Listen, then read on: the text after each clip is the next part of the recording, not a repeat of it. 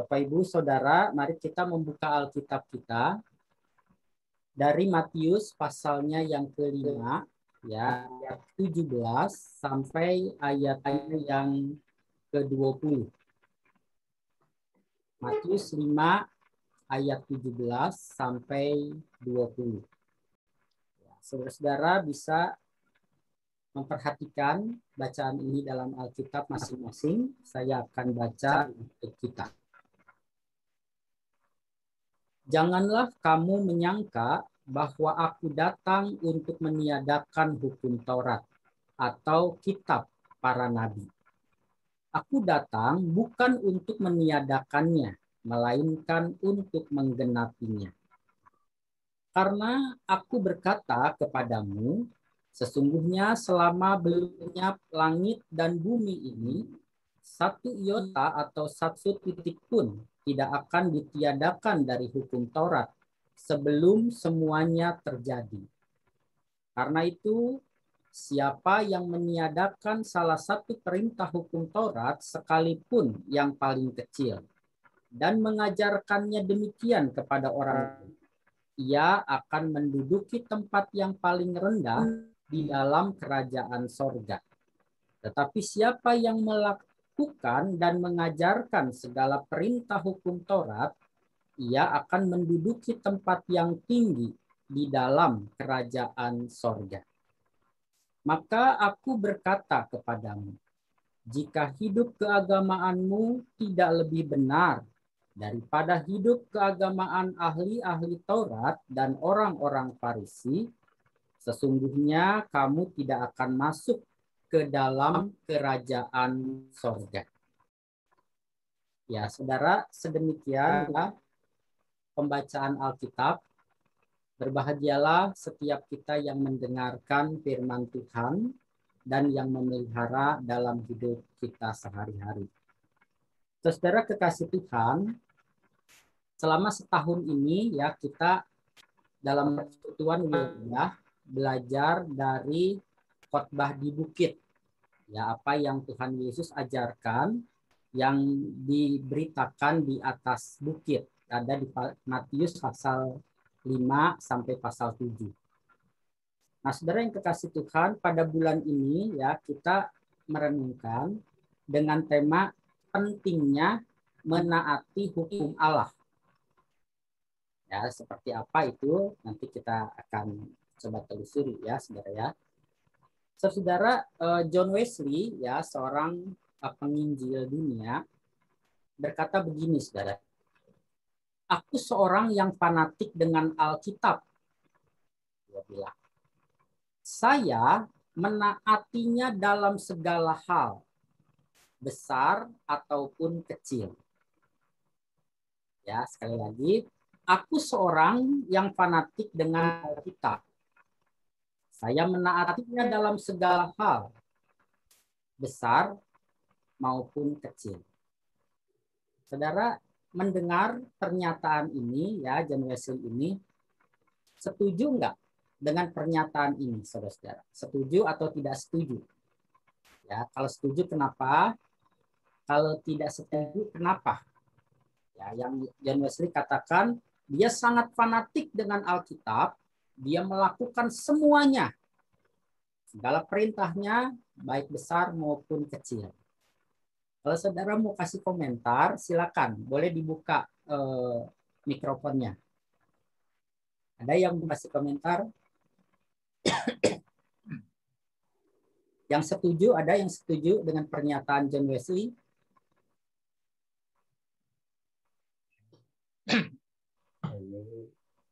Ada? Atau saudara tidak setuju? Ah, jangan semuanya lah melakukan perintah Alkitab gitu ya. Pilih-pilihlah kalau yang enak kita lakukan, kalau yang enggak enak jangan dilakukan. Kalau yang cocok dengan keinginan kita, kita lakukan. Kalau yang berat-berat, wah nanti dulu. Begitu ya, saudara. Ya, semoga enggak begitu ya. Oke, saudara yang dikasih Tuhan, kita pasti punya pendapat yang berbeda-beda ya, bisa sama dengan John Wesley ataupun mungkin berbeda ya. Oke. Nah, Saudara eh, Alkitab kita ya itu terdiri dari dua bagian ya Saudara ya. Yaitu PL dan PB ya, perjanjian lama dan perjanjian baru. Ya. Seandainya Saudara PL itu ya tidak ada atau kita hilangkan PL. Anggaplah kita belum pernah mengenal PL. Kira-kira saudara, apakah kalau tidak ada PL, hal itu akan mempengaruhi kita dalam mengenal Allah? Apakah kita akan uh, kesulitan dalam mengenal Allah atau apa yang hilang kira-kira kalau PL itu tidak ada? Tidak tahu sejarah. Kenapa, Pak Daniel? Tidak tahu sejarah latar belakang. Tidak tahu sejarah ya latar belakang umat Allah. Oke, apalagi mungkin satu orang lagi silakan. Kalau PL tidak ada, saudara.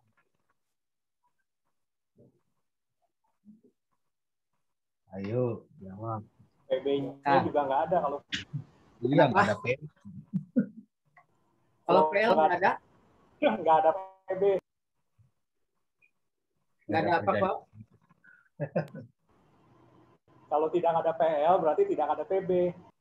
Oke, kalau tidak ada PL, ya berarti nggak ada PB, saudara. Karena kan Alkitab dibagi dua, ya perjanjian lama dan perjanjian baru. Jadi kalau nggak ada yang perjanjian lama ya udah biasa aja gitu Alkitab gitu ya.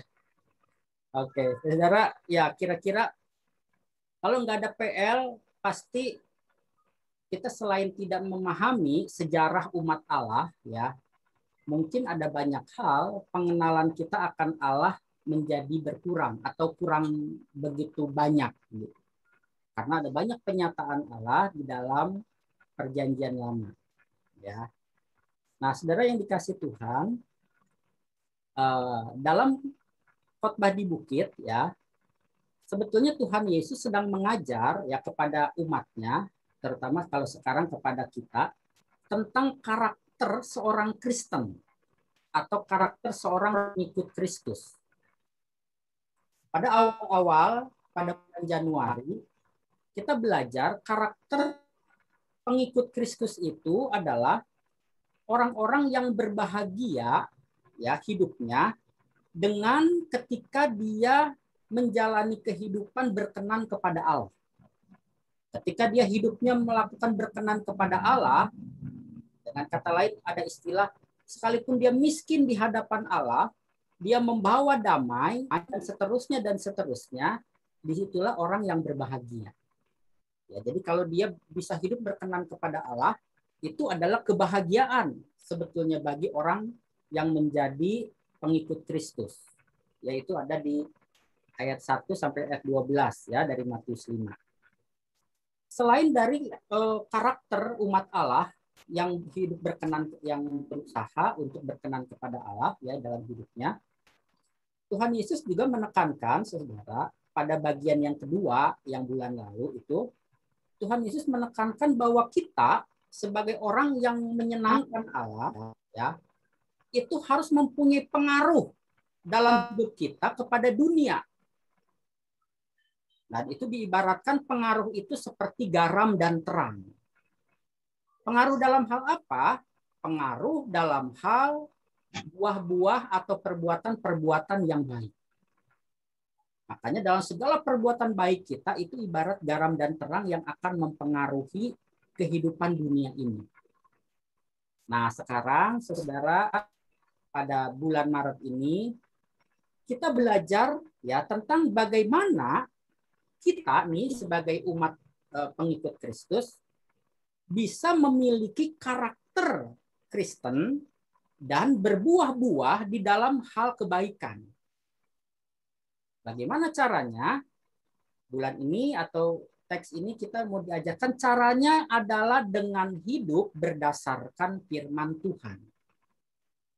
Supaya kita memiliki karakter seperti Kristus, ya, menghasilkan buah-buah yang baik, maka jalanilah hidup berdasarkan firman Tuhan.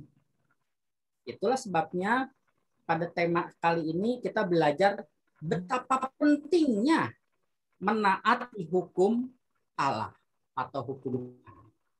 Atau betapa pentingnya mentaati firman Tuhan. Firman Tuhan itu di mana? Baik dalam perjanjian lama maupun dalam perjanjian baru. Ya, jangan dipisahkan. Itu yang mau diajarkan oleh Tuhan Yesus pada perikop atau nas yang kita baca dari Matius 5 ayat 17 sampai 20. Nah, saudara, perikop ini ya kalau kita teliti itu dibagi dua. Ya, pertama ayatnya yang ke-17 dan ayatnya yang ke-18. Ya, saya nggak usah baca lagi ya, saudara ya. Tadi kita udah baca. Pada ayat 17 dan ayat 18 ya, di sini mau mengatakan pertama di situ diungkapkan ada ungkapan Taurat dan kitab para nabi. Kata Tuhan Yesus, jangan kira aku datang untuk meniadakan hukum Taurat dan kitab para nabi. Hukum Taurat dan kitab para nabi itu apa, saudara? Itu perjanjian lama. Jangan kira, kata Tuhan Yesus, aku akan meniadakan kitab-kitab ajaran-ajaran firman Tuhan dalam perjanjian lama. Tuhan Yesus tidak akan meniadakan atau tidak akan melenyapkan perjanjian lama ya. Bahkan di situ ditekankan kitab-kitab perjanjian lama atau firman Tuhan dalam perjanjian lama itu akan tetap ada selama apa? Selama kehidupan di dunia ini ada Ya, jadi perjanjian lama itu akan tetap ada. Dan Yesus datang bukan untuk menghapuskannya, tetapi untuk menggenapinya. Untuk menggenapinya dalam hal apa? Dalam hal menyempurnakan, ya, meluruskan pemahaman-pemahaman yang salah tentang perjanjian lama dan melengkapinya sehingga semua pesan dalam perjanjian lama yang sudah dinubuatkan itu tergenapi, klop dengan apa yang terjadi seperti yang sudah dinubuatkan itu. Ya, jadi pada bagian pertama itu yang mau dikatakan. Perjanjian lama itu firman Tuhan. Dia tetap ada selama kehidupan ini ada. Ya, oke itu yang pertama. Yang kedua, Saudara, pada ayat yang ke-19 sampai ayatnya yang ke-20 pada ayat 19 dan dan ayat 20 bagian itu mau menyatakan tentang respon kita ya respon umat Allah terhadap firman Tuhan. Dalam hal ini pada waktu zaman Yesus firman Tuhan itu adalah perjanjian lama. Ya. Respon kita terhadap firman Tuhan dikatakan itu akan menentukan nasib kita ya nasib dalam tanda petik ya saudara ya nasib kita dalam kerajaan sorga. Wah. Jadi sikap kita terhadap firman Tuhan, terhadap perjanjian lama, itu menentukan nasib kita dalam kerajaan sorga. Nah, kita perhatikan ya, saudara ya, nasib seperti apa itu? Di sini kalau kita perhatikan ada tiga posisi dalam kerajaan sorga. Ya, tepatnya sih sebetulnya dua, tapi nanti kita teliti ya. Yang pertama posisi dalam kerajaan sorga itu adalah orang yang menduduki tempat yang paling rendah dalam kerajaan sorga. Siapa orang yang menempati tempat yang paling rendah? Ya, kalau ibaratnya kalau kita gambarkan, imajinasikan seperti gedung ada di lantai dasar, begitu, ya. Dia itu adalah orang yang meniadakan salah satu atau yang tidak mengajarkan secara lengkap ya firman Tuhan, hukum Taurat, ya atau kita para nabi yang tidak secara lengkap diajarkan dan eh, kemudian itu mengajarkannya kepada orang lain. Ya, jadi dia tahu nih firman Tuhan tapi tidak diajarkan secara utuh. Dia hanya mengajarkan hal-hal yang tertentu saja, yang saya senang saja, yang enak didengar saja, janji-janji berkat saja dan seterusnya. Itu diajar, digali, dipahami, diajarkan, tapi nggak secara utuh. Bicaranya soal berkat melulu, tapi tidak bicara soal disiplin Allah kira-kira gitu. Ya, yang enak-enak didengar. Nah, itu orang yang akan menempati posisi paling rendah dalam kerajaan surga. Yang kedua, orang yang akan menempati tempat yang tinggi, bukan yang paling tinggi ya. Yang paling tinggi itu adalah Tuhan sendiri. Yang posisi yang tinggi dalam kerajaan surga. Siapa itu yang menempati itu? Itu mereka yang melakukan dan mengajarkan segala perintah-perintah hukum Taurat. Artinya segala kata itu perlu digarisbawahi. Jadi semua diajarkan. Mau yang enak didengar, mau yang enggak enak didengar, mau janji berkat, mau hukuman, itu diajarkan. Ya, kalau ibaratnya kalau dipersempit eh, hukum Taurat itu dalam 10 perintah, semua 10-10-nya diajari. Nggak ada yang disimpan atau yang diselewengkan. Ya, suka atau nggak suka diajarin semua. Itu posisi kedua. Posisi ketiga, tapi ini sebetulnya bukan posisi, yaitu apa?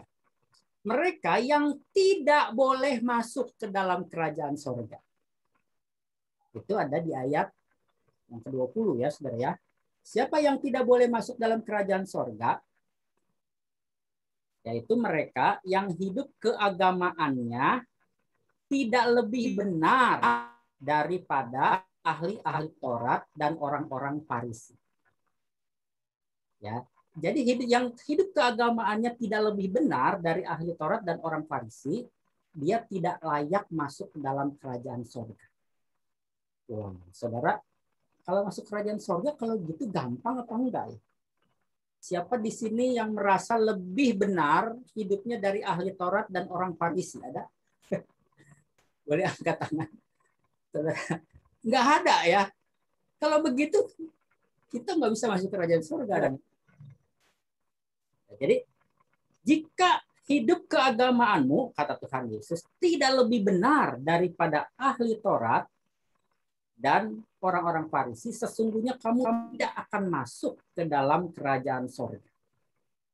Saudara, sekarang kita perlu mengidentifikasi apa sih maksudnya Yesus bilang begitu. Ya, yang pertama kita perlu memahami hidup keagamaan ahli Taurat dan orang Farisi itu seperti apa. Ya, yang kita tahu kan memang ahli Taurat itu memang wow dia mempelajari kitab-kitab lalu menerapkannya hukum-hukum, merincinya sedemikian rupa, dan coba melakukannya. Tapi sebetulnya di mata Yesus sederhana. Ya. Orang hidup keagamaan ahli Taurat dan orang Farisi itu adalah sebetulnya golongan yang sama. Yaitu mereka yang meniadakan salah satu perintah hukum Taurat dan mengajarkannya. Jadi itu posisi itu sebetulnya lagi mengejek nih, menyindir ahli Taurat dan orang Farisi itu adalah mereka yang meniadakan salah satu hukum Taurat atau sebagian mau yang besar mau yang kecil tidak mengajarkannya disimpan eh, lalu mengajarkannya yang dia suka aja dan dia itu ahli Taurat itu dan orang Farisi menduduki tempat posisi yang paling rendah. Saudara pernah eh, pasti mendengar ya Tuhan Yesus pernah cerita begini. Kamu ini dia bilang kalau ada orang yang bilang kepada kamu ahli Taurat dan orang Farisi, saya nggak mau ngurus orang tua lagi, dia bilang. Karena apa? Karena harta benda saya, saya sudah jual yang mestinya dipakai untuk ngurus orang tua, saya jual lalu saya persembahkan ke bait Allah. Lalu ahli Taurat orang Farisi bilangnya, iya itu nggak apa-apa karena kamu telah mempersembahkan kepada Tuhan. Kata Tuhan Yesus, itu ajaran tradisi. Itu bukan firman Tuhan. Karena firman Tuhan, hormatilah ayahmu dan ibumu, itu mutlak harus dilakukan, apa pun keadaannya. Ya, jadi itu salah satu. Itu sebabnya Tuhan Yesus bilang, uh, secara nggak langsung dia menyindir, ahli Taurat dan orang Farisi itu kayak begitu. Demi kalau dia merasa untung ya udah nggak apa-apa kamu itu abaikan saja Ya, nah itu posisinya. Ya, lalu pertanyaan yang kedua, saudara, lalu kalau begitu, hidup keagamaan ya yang lebih benar daripada hidup keagamaan ahli Taurat dan orang Farisi itu seperti apa supaya kita masuk dalam kerajaan surga.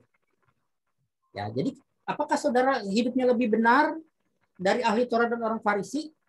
Itu identifikasinya itu sebetulnya jawabannya di mana saudara? Jawabnya ada di kategori kedua.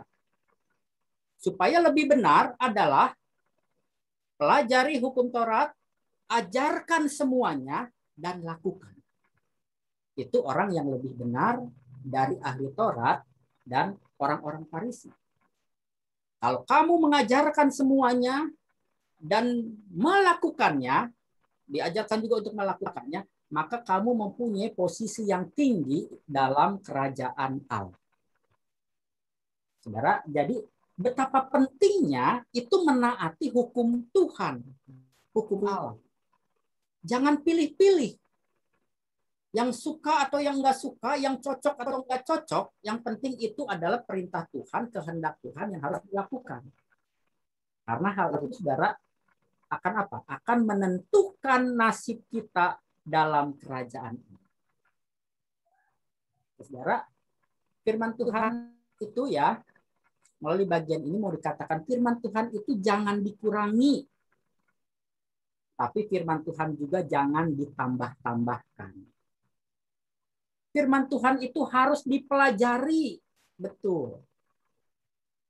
Dan diajarkan sepenuhnya. Jangan disimpan-simpan. Tapi juga harus dilakukan. Itu firman Tuhan. Tapi, saudara, bila kita telah mempelajari firman Tuhan dan kita seandainya sudah melakukan firman Tuhan, ya semuanya, tapi juga harus hati-hati, saudara. Kenapa harus hati-hati? Kita jangan takabur.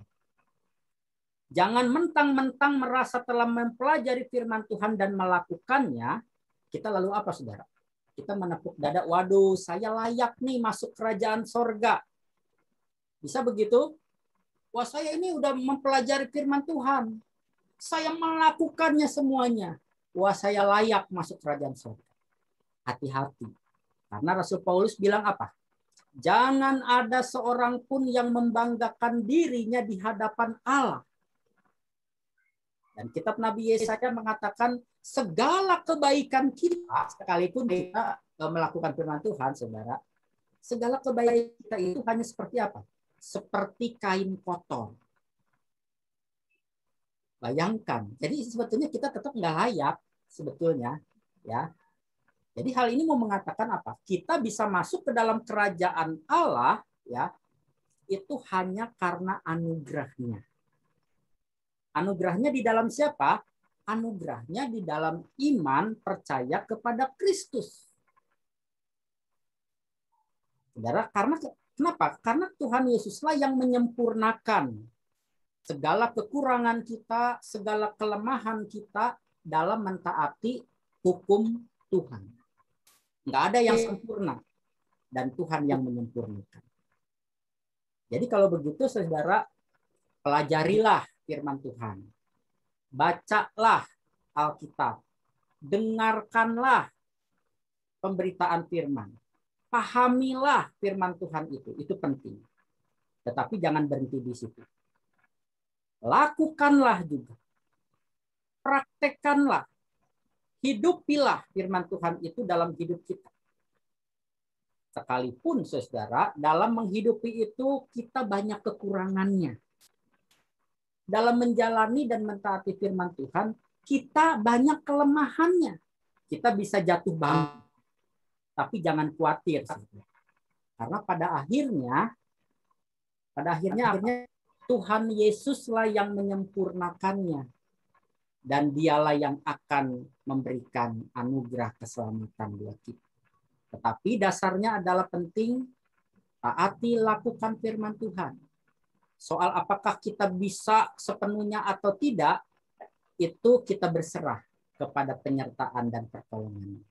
Tuhan Yesus datang, aku datang bukan untuk meniadakan hukum Taurat dan kitab para nabi, tapi untuk menyempurnakan. Artinya apa, saudara? Aku datang supaya kamu melakukan firman itu. tetapi nanti aku yang menyempurnakan menggenapi kelemahan kamu supaya kita diselamatkan.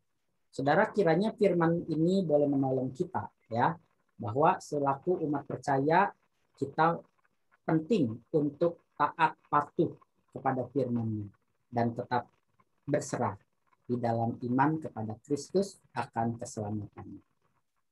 Amin.